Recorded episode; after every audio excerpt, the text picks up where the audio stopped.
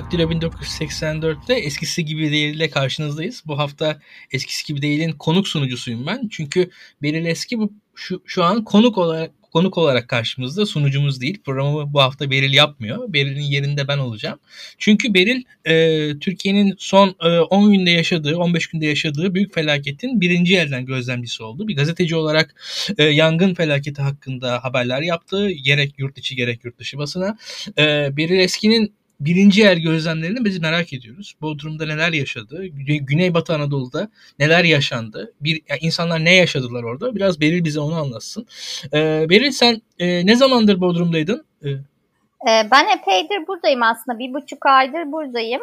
Ee, burada Hı-hı. yapmayı planladığım bir iş için gelmiştim.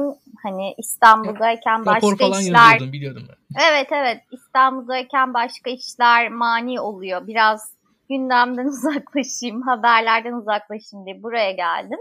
E, ama biliyorsun işte iki hafta neredeyse önce e, başlayan yangınlarla birlikte tabii ki e, yani Milas kısmında başladı. Aslında bizim kaldığımız yerde yangınlar görünmüyordu ilk etapta.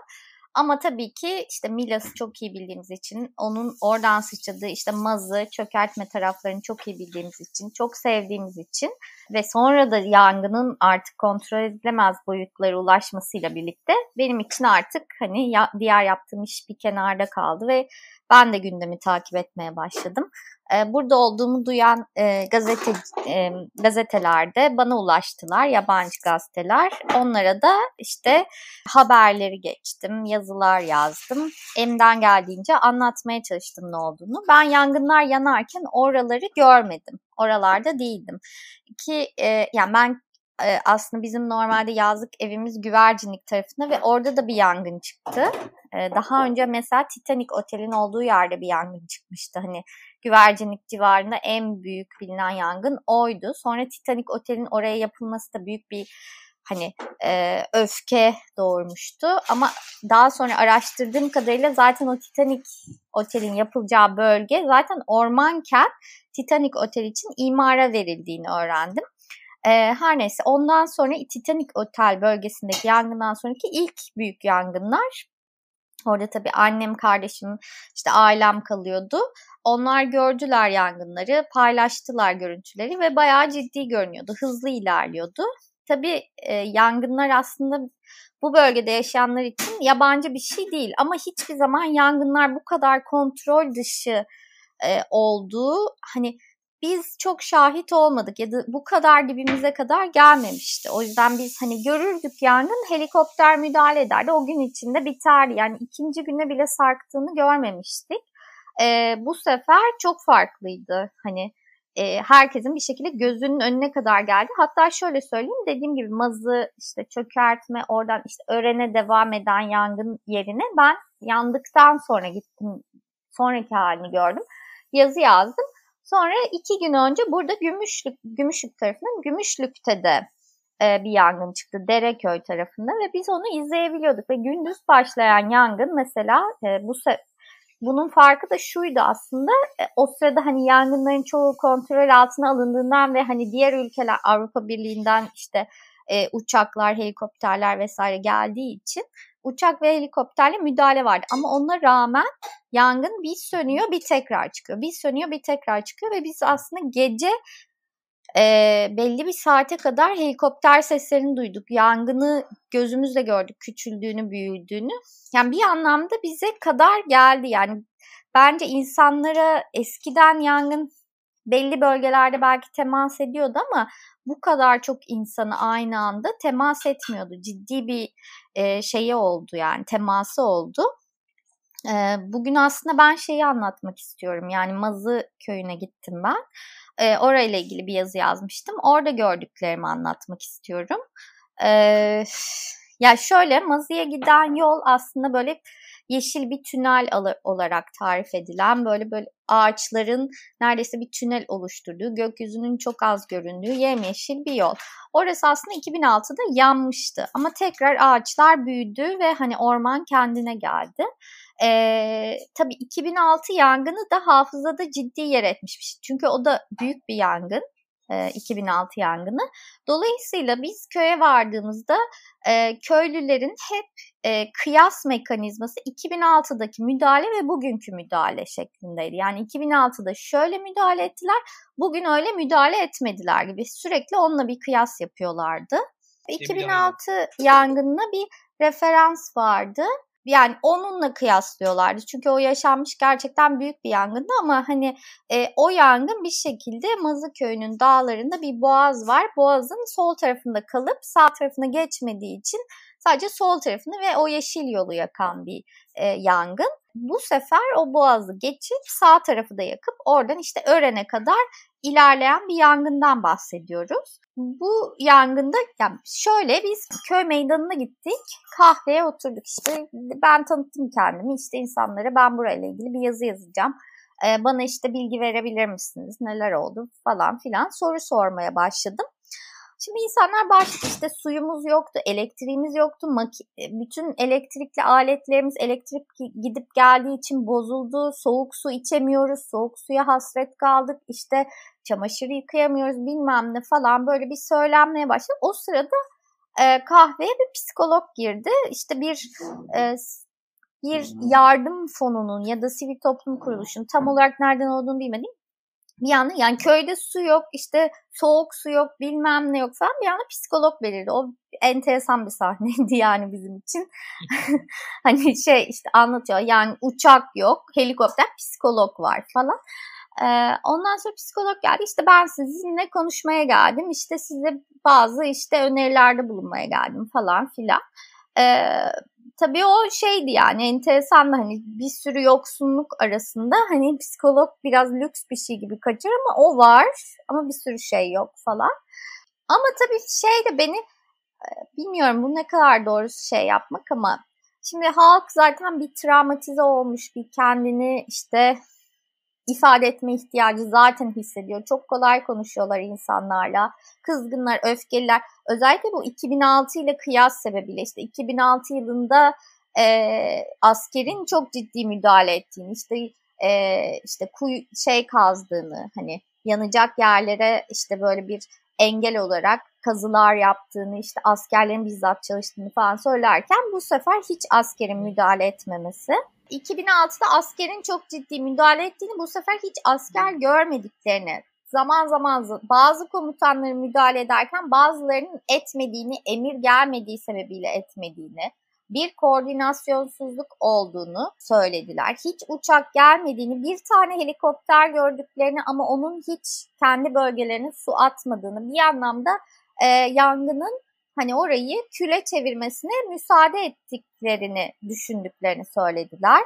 E, o konuda çok ciddi bir hani terk edilmişlik, bırakılmışlık, işte yalnızlık, işte umutsuzluk hissiyatı hakimdi insanlarda. E, bunun dışında mesela her kuruma başvuruyorlar. Sadece belediyeye değil. E, işte kaymakam, valilik vesaire e, kimilerinin işte oy verdiğinizden su isteyin gibi cevaplar verdiğini, e, kimilerinin işte itfaiyeyi arıyorlar, geliyoruz bek kapatın kapatın sürekli kapat kapat denmesinden çok rahatsız olduklarını ve işte geliyoruz tamam kapat kapat denip hiç kimsenin gelmediğini e, söylediler. Bunlardan çok rahatsız olmuşlardı. Çok bu onlarda yer etmişti yani insanlarda bu umursamazlık, küstahlık, kabalık e, ve e, mesela ciddi anlamda mesela benim gördüğüm patern şu çeşit sadece Mazı'da değil başka yerlerde de insanlarla konuştum. E, evini kurtaran kendi kurtarmış. Çünkü tahliye kararı verilmiş. Jandarma diyor ki git bir şekilde yal kimi yalan söyleyerek, kimi ısrar ederek, kimi bilmem ne evinde kalmış ve kurtarmış ve yani gerçekten canı pahasına evini kurtarmış. Evini terk eden de mesela Manavgat'ta bir kişiyle görüştüm. Evini terk ettirmişler köylülere. Onlar da dinlemiş, terk etmiş. Evler yan, %90'ı yanmış. Ertesi gün daha yangınlar bitmeden e, buldozer gelip kimseyi köyü almamışlar. Buldozer gelip evleri yıkmış. Yani şey de yok hani bir evime döneyim bakayım bir şey kurtulmuş mu belki tamir et o da yok hemen yıkılmış evler. Ve insanlar çok sinirli. Yani benim toprağımı TOKİ yapacaklar, bana satacaklar. Benim arsamı bana satıyorlar. Benim arsama girmemi istemediler, beni tahliye ettirdiler falan diye çok sinirliydi. Dediğim gibi kurtaran da gerçekten canı pahasına işte e, kimi çatılar işte artık yanıyor, çatılar kor olmuş. Oradan hortumla kendini suluyor, buzlar bağlıyor, öyle kurtarıyor. İşte kimi ne bileyim ilaç tulumba şeyini doldurmuş, onunla ağaçları söndürüyor. E, yani böyle film gibi sahneler gerçekten. İşte kimi mesela bir e, Marmaris içmelerde bir hikayede ee, işte bir e, görüştüğüm bir kadının erkek arkadaşı işte tırmanıcı damına işte e, kozalak düşen ve tutuşan evin işte içi yanmaya başlıyor. İçine müdahale etmek için kapak açmak gerekiyor. O kapağı tırmanıcıymış, tırmanıyor, açıyor, yanıyor, ediyor ama kurtarıyor falan. Yani böyle insanlar gerçekten evlerine sahip çıkmasalar tahliye kararına uydukları takdirde evleri yanıyor. Böyle bir patern var yani gerçekten. Hani e, kurtaran cidden kalmış canı pahasına kurtarmış. Hani bu çok tehlikeli ama aynı zamanda insanların yani evleriyle ilişkisini de gösteren bir şey. Ee, onun dışında her şey e, mesela e, burada bir inşaat şirketi çok fazla yardım etmiş e, mazı ve çökertme tarafına. E, işte inşaat şirketi olduğu için işte beton, işte çimento e, makinalarında, işte taşıma şeylerinde, mikserlerinde su taşımış. O tabii mikserlerde suyun yarısı yola dökülmüş, yine de taşımış. İşte 200 personel göndermiş. Bu 200 personel demek 100 tane Azerbaycan'dan şey aldık yani asker aldık. 200 personel göndermiş yani. Hani e, rakamın büyüklüğünü öyle anlatmaya çalışayım. Ee, onun dışında e, notlarıma bakayım. Ee, ha psikolog e, konusuna geri dönmek istiyorum aslında. Bu e, psikolog da tabii ki yardımcı olmak için geliyor. Tabii bu dönemlerde yardım mevzusu biraz enteresan. Herkes elinden geleni yapmaya çalışıyor. E, bu da önemli tabii ki ama psikoloğun çok yani yerele yabancı ve üstten bir tavrı olduğunu düşünüyorum. Çünkü psikolog geliyor işte çocuklarınıza şöyle yapın, şöyle yapın, böyle yapın bir sürü tavsiyeler veriyor. insanların özeline giriyor falan. İçlerinden biri böyle bir analoji yapmak üzere yani bir işte şey yapmak üzere. Ya pardon sizin yaşınız kaç dedi. Psikolog neden soruyorsunuz falan. Yani bütün insanlara böyle bu tavsiyeleri veriyor, özeline giriyor bilmem. Bir soru sordular psikoloğa. O da neden soruyorsunuz dedi. Yani insanların orada garip bir hiyerarşi vardı. Bence bu rahatsız ediciydi. Bence insanlar da gayet farkındaydı. Adam da şey dedi yani ben şunu demek istiyorum. İşte siz 30 yaşında mısınız? Ben 50 yaşındayım.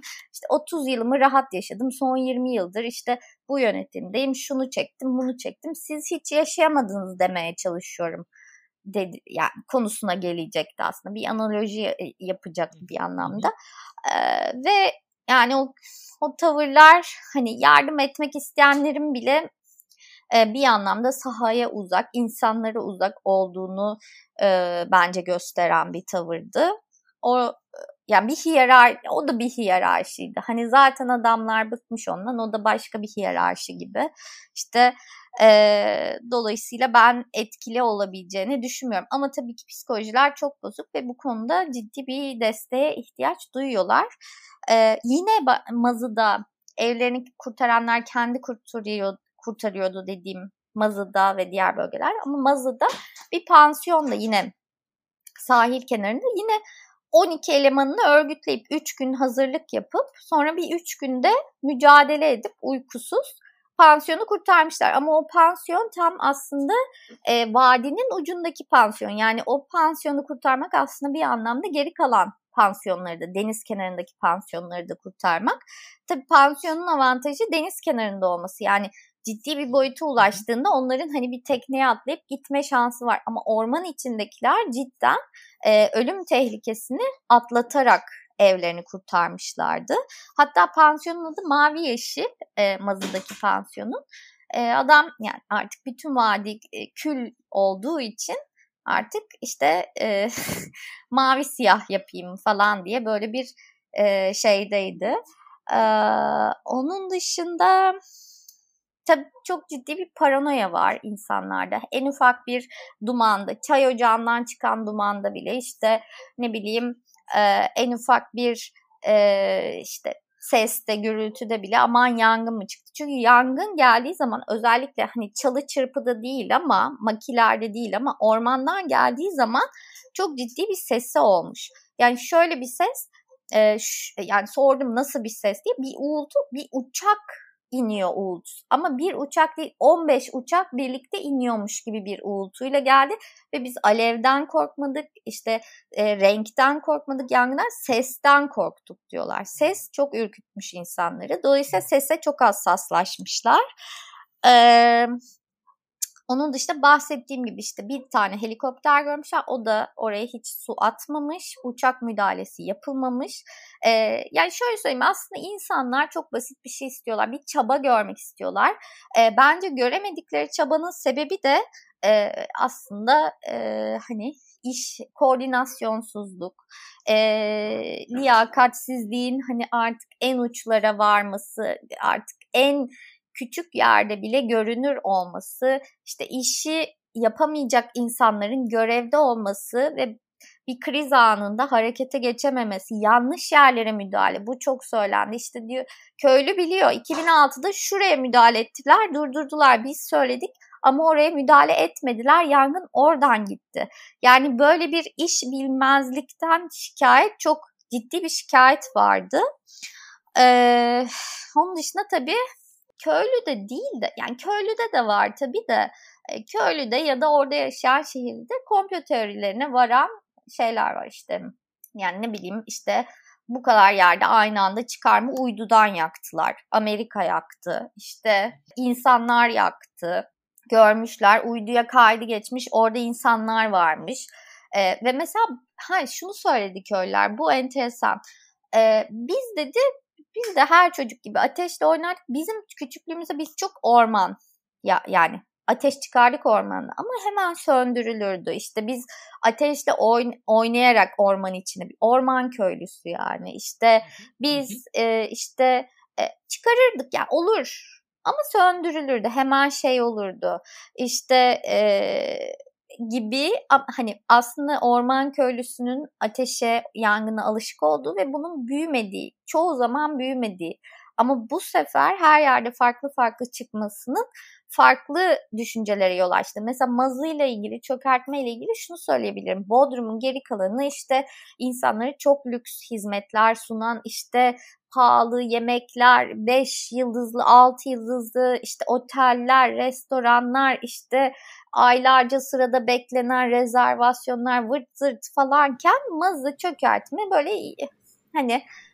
temel ihtiyaçlarını karşıladığın pansiyonlar, uygun restoranlar, işte plajda bir tesis yoktur, taşlıktır. İşte hani böyle bir daha e, doğal bir deneyim. Orası daha butik bir yer yani benim bildiğim kadarıyla. Tabii. Büyük turizmin Tabii. olmadığı, seveninin gittiği falan bir yer. Evet, daha primitif. Yani çok hani üst orta sınıfta gider, üst sınıfta Doğru. gider falan ama daha primitif, daha farklı bir deneyimdir ve orada insanlar mesela evlerini satmıyorlarmış. Hiç kimse arazi ev satmıyor. Hani hep kiralıyorlarmış. Orada kalan mesela daha nispeten hani beyaz Türk bir teyzeyle konuştuk. O mesela kiralıyormuş yıllardır orada ev kiralıyormuş. Çünkü kimse ona ev satmıyormuş.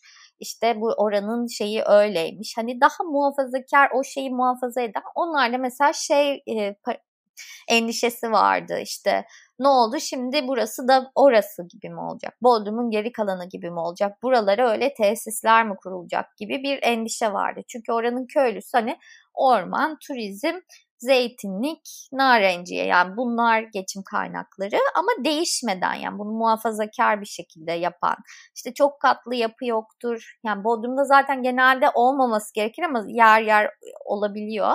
İşte modern yapı yoktur. İşte nispeten daha hani basit e, böyle rahat yerler vardır. E, böyle bir endişe de vardı.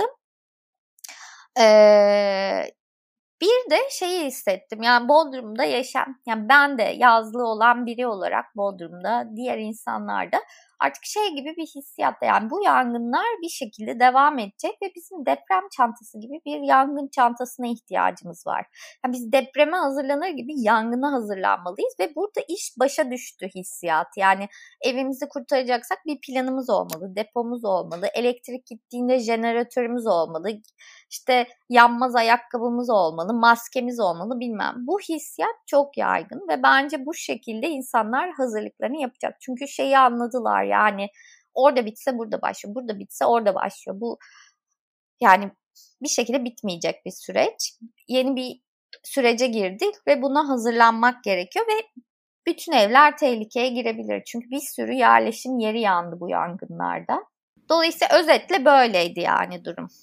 Hı hı. Ya şimdi Berit bir defa e, iki kavram Türkiye'de tartışıldı. Birisi küresel ısınma. Yani yangınlar hep oluyordu ama küresel ısınma vesilesiyle aslında yangınların e, çok daha fazla büyüdü. Yani normalde de daha önce de olan yangınlar büyümüyorlardı. Şu an büyümeye başladılar küresel ısınmadan dolayı ki yani işte çok daha bilinen bir şey zaten e, nem yani bu e, ağaç e, yaş mı yaş değil mi kuru mu o kuruluk ne kadar etkiliyor vesaire o tartışması var bir tarafında. Bir diğeri de işte sabotaj konusu tartışıldı. Ben e, Bodrum tarafında görmedim ama Manavgat tarafında sıradan vatandaşlar ellerinde garip işte sopalarla vesairelerle kimlik kontrolü yapıyorlardı. Yani kimisi tombol tüfeklerle falan. Hani bayağı da e, sen de hukukçusun bu ciddi suç aslında. Yani bir vatandaşın elinde tüfek alıp e, kimlik kontrolü yapmaya kalkması. Ama o da bir değişik bir psikoloji artık. Hatta e, bir dövdükleri bir adam Denizli'li bir adamı dövmüşler. Yani o da çok absürt de bir şey neredeyse. E, o, o şiddet ortaya çıktıktan sonra kimi hedef alacağı da belli olmaz ki yani Bodrum'a gidenler bilir. Ya Türkiye'de muhtemelen Ankara'dan sonra girişinde çıkışında en çok kontrol olan yer de Bodrum'dur. Yani neredeyse. Ee, yani cidden hani Bodrum'a öyle polis kontrolsüz kolay kolay girilmez. Ee, bir şekilde bir durdururlar, bir bakarlar falan. E, otobüste giderseniz otobüs durdurur aslında. Ama bayramda ee, Bodrum nüfusu 2 milyon oldu. 2 milyon olduğunu söylüyorlardı ve bence olmuştu. Yani trafik İstanbul'un trafiğinden daha kötü. Altyapı çok zayıf. E, zaten Bodrum yani bayramlarda e, nüfusu kaldıramıyor. Ya, sürekli su kesintisi oluyor, elektrik kesintisi oluyor, su yetmiyor, bir şey yetmiyor. Yani sürekli problem yaşayan bir yer. Ve ya evet kontrol çok sık var ama ya buradaki hissiyat şey değildi ama e, yani o yaptı bu yaptıdan ziyade hani insanları avlayalımdan ziyade yani e, şeydi hani bu arsa için yakıyorlar hissiyatıydı. Hani hmm. bu arsaya konmak isteyenler e, yakıyorlar hissiyatıydı. Çok enteresan bir şekilde bugün yani Türkiye son derece merkezi bir ülke. Her şeyi merkezden, herkesi her şeyi neredeyse Cumhurbaşkanı'nın onayından geçen bir ülke ve bir anda yangınlar karşısında anti merkeziyetçi olup belediyeler sorumludur dendi ve bir anda bir anti merkeziyet yani sanki burası Türkiye'nin geri kalanını bağlamıyormuş gibi bir siyasete geçildi. O çok enteresandı ve bence o insanları çok hayal kırıklığına uğrattı. Yani ben e, merkeziyetçiliği savunan bir insan değilim ama e, bu anti merkeziyetçiliğe terk edilme, işte kısıtlı imkanları olan, altyapısı bile iyi olmayan bir e, işte ilçenin, şehir bile değil burası bu nüfusa rağmen e, bir ilçenin imkanlarını terk edilme insanlarda bence çok ciddi bir kırılma e, yarattı.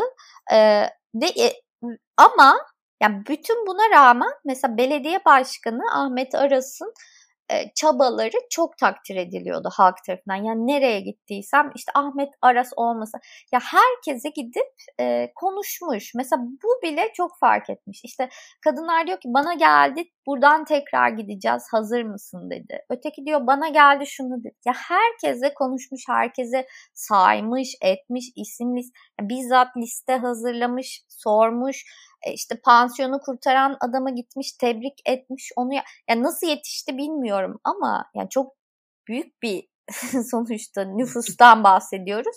Bir şekilde herkese temas etmiş ve çok hani çok sevilen bir belediye başkanı falan değildi benim anladığım kadarıyla. Daha önceki yıllardan anladığım kadarıyla. Özel olarak sevilen bir yani bir Ekrem İmamoğlu gibi ya da bir Mansur Yavaş gibi bir sevgi duyulmuyordu ona. Ama bu yangınlardan sonra çok ciddi bir sevgi duyulmaya başlandı ve bu tamamen adamın sahada var olmasıyla alakalı bir durum. Ve var olmayan kişilere de dolayısıyla ciddi bir öfke var. Ya Beril ben e, yangın ilk başladığı zaman e, Temmuz ayının 28'inde e, bu yangınlar ilk başladı. Bu yangınların ilk çıktığı anda e, insanlar da tepkilerini göstermeye başladılar. İşte şu yok, bu yok, neden yok, ne eksik falan hepsi konuşuldu, tartışıldı. Ama e, buradaki tartışmalar sırasında e, şunu gördük. Reaksiyon e, geriden geliyordu. Yani insanlar ilk başta hemen uçaklar nerede? İşte niye e, ordu müdahale etmiyor. E, o askerleri neden çok da sahada görmüyoruz vesaire dediler. Mesela ben e, özellikle e, hususi gittim baktım mesela bu program öncesinde de. Milli Savunma Bakanlığı'nın Twitter sayfasına girdim baktım. Gerçekten de ilk günlerde dronlarımızla yangını yukarıdan çok güzel çekiyoruz diye e, tweetler var. Yani baktığınız zaman en sonunda e, 3-4 gün sonrasında hakikaten e, sahada ciddi e, mücadele ederken e, belli şeyler paylaşılmaya başlamış. Hatta yani ilk atılan tweetlerde bir Rus uçağına su takviyesi yapıyoruz falan diye bir tweeti vardı Milli Savunma Bakanlığı'nın. Ondan sonra birazcık daha 2-3 gün geçtikten sonra Ağustos ayından itibaren Ağustos'un ikisi üçü ondan sonra daha fazla e, hani en azından o, tweet bazında daha e, reaktif olduklarını gösteren kendilerini öyle anlatan tweetler gördüm ben. E, bir defa bence bu önemli ki bir de e, özellikle Antakya'da e, bir yangını oradaki e, ordu birlikleri söndürmüş ve marş söyleyerek geri dönüyorlardı e, kışlalarını. O öyle bir o da gene Ağustos ayı içerisinde yani Temmuz hani o ilk 5 gününde değil yani Antakya'daki yangın zaten ayrı bir yangın. E, bir, bir o yaşandı. Reaksiyonlar ge- geç oldu. Bir de e, mesela insanlar e, tek tek söylediler o işte Bambi denilen e, su taşıyan e, ne diyelim e, aparatla birçok helikopterle aslında yangın söndürülebilir. Yani çok verimli olmaz ama kullanılabilir. E, bu söylendi. 4-5 gün sonra ancak uygulanabildi ki yani çok da büyük bir dehşetli bir zekanın ortaya koyduğu inanılmaz e, zihni sinirli bir proje değildi. Hep yapılan bir şeydi. E, bu mesela birkaç e, gayet ge- gecikti gecikti hükümet bu konuda. Aynı şekilde ordunun reaksiyonu da bence senin dediğin gibi hiç de e, proaktif sayılmazdı. Orduyla ilgili şu söyleniyor. Birincisi ordunun yardım et yani müdahale olması için valiliğin talepte bulunması gerektiği Doğru. ve valiliğin Doğru. talepte bulunmadığı. Dolayısıyla onun müdahale edemediği. İkinci söylenen şey de e, yine belediye ekibinden hani sahada çalışan birinden öğrendiğim kadarıyla e, askeriyenin askerlerinin e, yangın konusunda yeter, yeterince eğitimli olmadığı e, dolayısıyla da e, yangına bu insanları göndererek hayatlarını tehlikeye atmak istemediği o yüzden çekimser davrandığı gibi yanıtlar aldıkları söyleniyor. Ama bu şu açıdan saçma şimdi e, o pansiyonu kurtaran kişi kaptan o bayağı iyi bir yangın eğitimi almış. Şimdi kapta, kaptan yangın eğitimi aldıysa askerin hala hala alması lazım yani. Zaten hani savaş bu. Ateş ediyor karşı taraf. Ateşi söndüremeyen bir ordu yani ateş söndü yani karşı taraf ateş edecek. Ya bana o açıdan Aynen. mantıksız geldi ya da gerçekten gerçekten o eğitimleri bile almamış insanlar var. Bilmiyorum yani bilemiyorum. Bunlar duyduklarım hani ama Doğru. yani ama ya, talep ya. edilmediği de yani valilik tarafından bunun talep edilmediği de uzun bir süre teyitli bu, bir şekilde bu bilgiyi yani aldım. Valiliğin talebi üzerine e, yani ben on, açıklamalara tek tek baktım ondan sonra. Yani yaptıkları müdahalelere dair açıklamalar var. Hepsinde özellikle valiliğin talebi üzerine şurada şu yapılıyor falan diye orada zaten o formallik var hepsinde dediğin gibi. Ee, yani bilemiyoruz. Hani hakikaten şöyle bir şey var. Ben gerçekten reaksiyon zamanında bir gecikme seziyorum. Yani bu Türk Hava Kurumu meselesini zaten herkes tartıştı. Bizim burada tekrar üstünden geçmemiz çok da gerekli değil belki de ama yani hani ortada e, birincisi reaksiyon alma konusunda. Çünkü çok basit bir şey var. Ee, mesela o uçaklar tamam eksikleri var, gedikleri var vesaire ama ya Türkiye'de de Türk Silahlı Kuvvetleri, Türk Hava Kuvvetleri diye bir kurum var. Türk Hava Kuvvetleri o uçakları uçurur bence yani. O kadar ben çok da bakım yapamayacağını düşünmüyorum ben bizimkilerin. Yani o kadar da bu kadar bir hafta içerisinde reaksiyon alan hani birazcık inisiyatif alan bir yapı olsaydı gayet başarılı olabilirdi diye düşünüyorum açıkçası. Ki e, en sonunda o da yapılacaktır er geç ki yine insanlar mesela e, Beril hatırla e, tomalardan bahsettiler. Ya yani tomalarda da e, basınçlı su sıkan e, aparatlar var ve gayet de kullanılabilir bir yangında. Ki tomalar eskiden de yangın falan söndürüyorlardı. Bazı yangınları hatırlıyorum ben. E, onların kullanılması bile gecikti. Yani bu reaksiyon e, verme konusunda e, devlet yavaş kaldı tam anlamıyla. Yani orada e, bir paralize olma durumu var. E, biz onu yaşadık diye düşünüyorum ben. Yani bunun tam açıklaması nedir? Çünkü ben bir yandan da hani e, diğer yayınlarda bir çok fazla e, yani hükümeti eleştirirken bir yerden sonra artık o kadar eleştirdim ki övmeye başlıyorum. Çünkü şöyle bir şey var. Ülkede o kadar hukuk yok ki. Ya bu hükümet isterse her yeri e, imara açar. Kimse de bir şey diyemez yani. Ve taş ocakları falan yapılıyor. Yani taş ocağı için e, yani yerin altından taş çıkartmak için ormanı e, kesen e, bir yapı açıkçası gidip otel yapmak için haydi haydi keser. Yani o, o, o çok daha makul bir sebep yani. Taş ocağı için orman e, ormanı alt üst eden bir yapı e, bir e, bir açıkçası bir yönetimin öyle orman e, otel yapmak için bir yangına ihtiyaç duyacağını hiç zannetmiyorum ben. E, benim için çok anlamlı değil. Ha şu var ama dediğin e, şu açıdan anlamlı. Orada insanların biz bu e, deprem konusunda da geçerli bence. Yani belki de bunu gazeteciler biraz biraz peşinden haber yapmaya da başlayacaklar diye tahmin ediyorum. Mesela İzmir'deki depremde de o yaşandı. Şimdi e, işte bir yandan e, mesela binalar yıkıldı Beril burada. Şimdi binaların yerine TOKİ de, bina yapıyor. İşte o binalar ama işte 8 katlı yerine 5 katlı yapılıyor. İmarlar düştü. İmarlar düştü. Bir yandan da para alınıyor o insanlardan. Şimdi o binaların yapım bedelleri falan. Ya aslında devletin yaptığı pek de bir katkı yok. Yani vergi falan almamak dışında açıkçası. Ee, öyle çok da dehşetli bir e, hani halkımızın yanındayız. işte tüm yaraları sarıyoruz falan öyle çok da bir şey yok aslında. Yani teknik olarak müteahhitlik yapılıyor. O e, senin anlattığın şeyde de e, başına gelen kendi evimi bana satıyor diyor oradaki e, mağdur vatandaşlar. E, haklılar. Yani tam anlamıyla haklılar. Orada ilk başta şey TOKİ'ler giriyor falan. E, TOKİ'nin finansmanı zaten en sonunda yine vatandaşa kalıyor. Birazcık avantajlı bir şekilde olsa da birkaç faiz oranı avantajı şeklinde olsa da. Yani o açıdan e, bir sıkıntı var. Yani orada ilk açıklamadaki anlatılan e, pembe tablo yani devletimiz tüm yaraları saracaktır falan o olmuyor ve e, daha vahimi şu senin dediğin şey çok önemli orada bir hayat tarzı var insanlar. Mesela şimdi İzmir Bornova'da Bayraklı'da bir orta sınıf hayat tarzı vardı. Şimdi o insanlar mesela buranın daha bir varoş tarafına doğru taşınacaklar. Başka bir hayat başlayacak orada. Senin mesela orada da şimdi Mazı'da bir hayat vardı. Yani orada dediğin daha butik otellerin olduğu falan bir hayat vardı. Belki orada başka bir hayata doğru yönlendirecekler o insanları. Yani bir şekilde o, o işte atıyorum o evlerin tekrar yani herkes ama Mazı, yaptığı... hayır Mazı'da şöyle Hı. bir avantaj var. Çökertme öyle değil ama Mazı'da e, köylülerin evleri yanmadı. E, ha, yani anladım. evlerde çok tek tük evler yandı diyeyim. Yani asıl hasar geçim kaynağı olan ormanlar, zeytinler vesaire. Yani evleri yanmadı ama çökertme tarafında yanan pansiyonlar, evler var. Orası da çok daha ciddi bir zarar gördü. Ya valla e, benim için önemli olan şey şu. E, yani orada kurulmuş hayatın e, bu felaketle beraber yani yıkılmaması gerekiyor diye düşünüyorum. Yani ne olursa olsun orada öyle ya da böyle e, bir hayat standardı, bir düzen, e, bir yaşam kültürü var e, oralarda. Bu yaşam kültürünü bu felaketle beraber yıkılmaması, yok olmaması gerek diye düşünüyorum kendi adıma. Yani orada yani o insanların orada kalması gerek. Yani bu biraz şey gibi yani kentsel dönüşüm hikayeleri gibi. E, biz de e, şey yani hani felaket dönüşümü hikayesi yaşıyoruz ve e, açıkçası e, çok vahim bir an yaşadık. Yani ben e, şöyle söyleyeyim Beril. Bu e, Gezi Parkı'ndan sonra herkes konuşuyor diye böyle tekrar ikinci gezi olur mu diye. Böyle. E, Türkiye'de e, devletin e, çok ciddi bir şekilde reaksiyon kabiliyeti arttı. Cihazlanması arttı. Kabiliyetleri çok arttı. Polisiye olarak yani baktığımız zaman. Çünkü ikinci gezi oldu, olacağı zaman muhtemelen işte tüm Türkiye'den tomalar İstanbul anında toplanacaklar. Çok acayip bir reaksiyon verecek ki işte kadınların eylemlerinde görüyoruz. E, Pride'larda görüyoruz. Ne kadar hızlı reaksiyon verildiğini. Boğaziçi eylemlerinde gördük. Bir kişinin başına e, dört tane polisin nasıl e, atladığını falan. Şu an ama devletin o reaksiyon kabiliyetini yani diğer alanlarda gördüğümüz reaksiyon hızını, e, kararlılığını burada görmüyoruz. Bu felakette görmedik.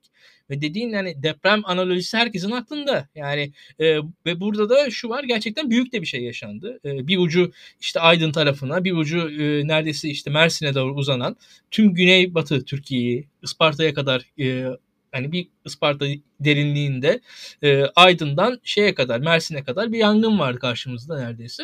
E, ve burada imkanlar kısıtlı kaldı gayet acı. Çok yetersizdi o kesin kesin koordine değildi. Belki o kadar yetersiz değil ama koordinasyonsuzluk çok önemli bu afet müdahalelerinde. O koordinasyonsuzluk da bence e, müda- kapasiteyi düşürmüştür.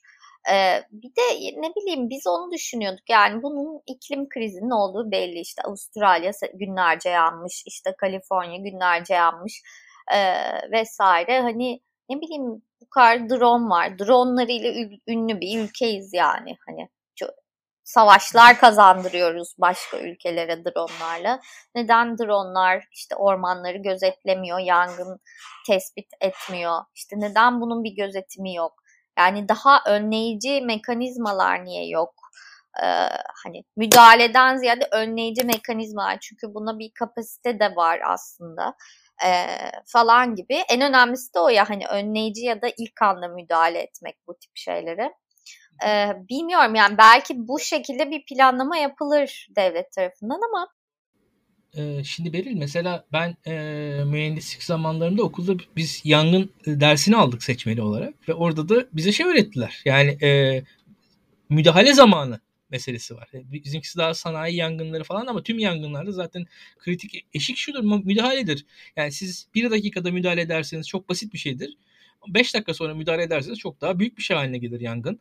Ee, yarım saat so- kendi kendine yanarsa çok daha büyük bir ısı kütlesi o yangının e, yangına enerji vermek durumunda kalır. O enerjiyle başa çıkamazsınız zaten. E, ve en sonunda mesela e, hatırla yangının orta hani Ağustos ayının başında falan bazı e, işte özellikle yurt dışında yaşayan arkadaşlar böyle akademisyen arkadaşlar ya uçakta su atmak ne kadar mantıklı falan diye eleştirel şeyler yazdı. Doğru yangın tamamen büyümüş olduğu halde her yere yayıldığı anda belki uçağın şeyi yok ama o hızlı uçağın ve hava araçları alameti farikası aslında çabuk hareket etmeleridir. Anında oraya müdahale olma, olabilmeleri ve esasında orada atılan o suyla o iş bitiyor zaten yani. Onu, onu Ya sadece lazım. yangını söndürmek olarak düşünmemek lazım. Yani sonuçta evlerini koruyanlar evlerini ve çevrelerini sürekli suluyorlar. İşte soğutma çalışması yapılıyor vesaire. Ee, ya etrafını sulamak da önemli. O da bir yangını kontrol mekanizması. Kesinlikle, kesinlikle. Zaten ya şu anda da e, ya şöyle söyleyeyim ben ben açıkçası daha kötümserdim bu yangın bittiği anda. Çünkü e, kor ateşler hani hepimiz e, birazcık hani mangalcı tecrübesiyle biliyoruz ki biraz bir rüzgarda tekrar alev alabiliyorlar. E, ve e, sönmüş yangın aslında tekrar bir yangın riski taşıyan e, bir yer. Yani orasında da Manavgat'ta Manavgat'ta başladı yeniden mesela. Yani oradaki korlar e, ters bir rüzgarda tekrar alev alıyorlar. O korlar şu an toprak altında sıcak pozisyondalar zaten. Senin onu soğutman lazım yani kesinlikle.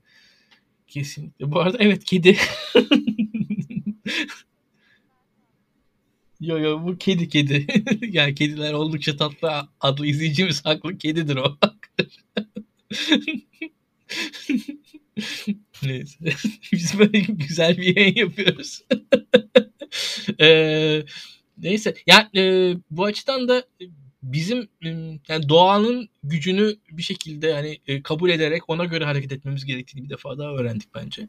Ve ya e, zaten iklim krizi zaten iklim krizi Türkiye'yi vurmuş. Müsilajı Marmara Denizi'nde Kuzey Ege'ye gelmiş. İşte e, sel, heyelan, işte e, Karadeniz bölgesinde işte Orta e, Anadolu'da ciddi bir kuraklık var, Güneydoğu'da ciddi bir kuraklık var, e, yangınlar var. Yani Türkiye'yi bayağı ciddi aslında iklim krizi vurdu. Yani bunun artık hani kabul edilmesi ve ona göre davranılması lazım. Daha daha ne kadar vurabilir yani? Hani daha ne kadar kendini belli edebilir? Hadi yangınları birileri çıkardı. Müsilajı da mı biri yaptı? İşte seli de mi, heyelanı da mı biri yaptı?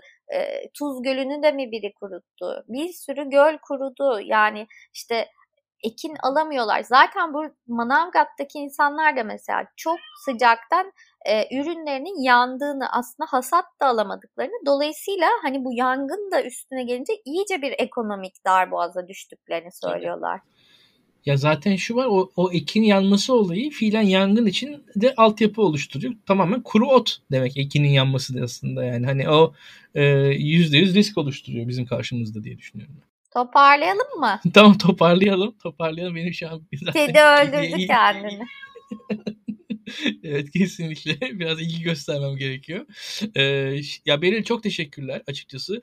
Ee, sana senin nezdinde tüm Bodrumlulara, Muğlalılara, tüm e, Akdenizlilere, Egelilere, tüm Türkiye'lilere geçmiş olsun diyelim.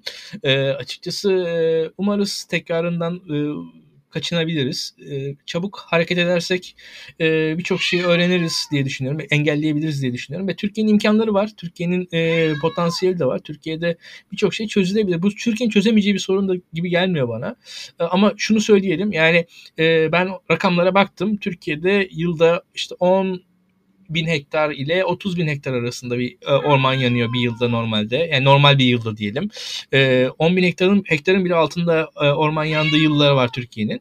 Bazı çok yangın olduğu yıllarımızda hatta ben onu hatırlıyorum sen belki hatırlamazsın. 90'larda bir Gelibolu yangını vardı. O Gelibolu yangını çok konuşulmuştu işte Çanakkale şehitlerimiz yanıyor vesaire öyle bir şey vardı hatırladığım kadarıyla. O yangın zamanında mesela 30 bin hektarı geçmiş yıllık e, orman yangını Türkiye'de.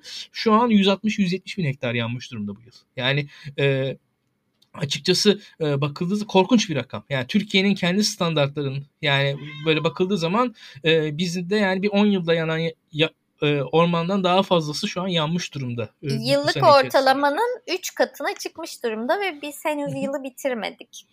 Doğru doğru. Yani orada e, çok vahim bir şey var karşımızda. Umarız devamı gelmez ama dediğin gibi risk hala var. Risk hala var. E, dikkat etmek lazım. Ne diyelim? Geçmiş olsun Türkiye'ye. İş başa düştü. Yani şeyde haklılar. Deprem çantası gibi gerçekten bir yangın çantası hazır etmek lazım. Hani tabii ki devlete baskı sürdürülmeli. Daha iyi müdahaleler, daha iyi politikalar için. Ama insanlar da kendi e, basit önlemlerini almak zorunda yani böyle hissediyorlar. Doğru. Ben de yani, yani, ben de öyle hissediyorum açıkçası. Kesinlikle yani yangın eğitimi verilmesi lazım ki e, insanları biliyorsun bir defa yangın çok hızlı büyüyebilen bir. Sadece e, eğitim felaket. değil ekipman da Doğru. yani de, o yüzden deprem çantası gibi diyorum yani bir öyle bir yangın çantası bulunması gerekiyor. Şimdi şöyle bir şey var. Mesela ev, evlerdeki birçok yangında e, dumanla zehirlenmenin ne kadar olası olduğunu insanlar bilemedikleri için de dumanla zehirleniyorlar mesela. O, çünkü çok ciddi bir olasılık o. Onu o kadar dikkate almıyor. Yani kendisi yanmadığı zaman aslında bir şey olmaz ama gayet ölüyor insanlar öyle. Evet. Ee, evet. Önce dumandan şeyler... ölünüyor zaten. yani biraz onu da bilmek lazım. Yani o bilgi seviyesinin artması gerekiyor diye düşünüyorum. Ee, Oraya da 30 gece... 30 saniye diyeyim duman içinde kalma maksimum 30 saniye diyeyim. Onu da eklemiş olayım. O zaman bu gecelik bu kadar diyeyim. 45 dakikayı bulduk. Ee, herkese bizi izlediği için teşekkür ederiz. Ee, izledikleri için teşekkür ederiz. Beril'le umarız tekrar bir fırsat bulur. Bir daha yayın yaparız. Ee, Beril iyi tatiller diyelim. İşlerinde raporunda kolaylıklar. Teşekkürler. İyi akşamlar herkese. İyi akşamlar.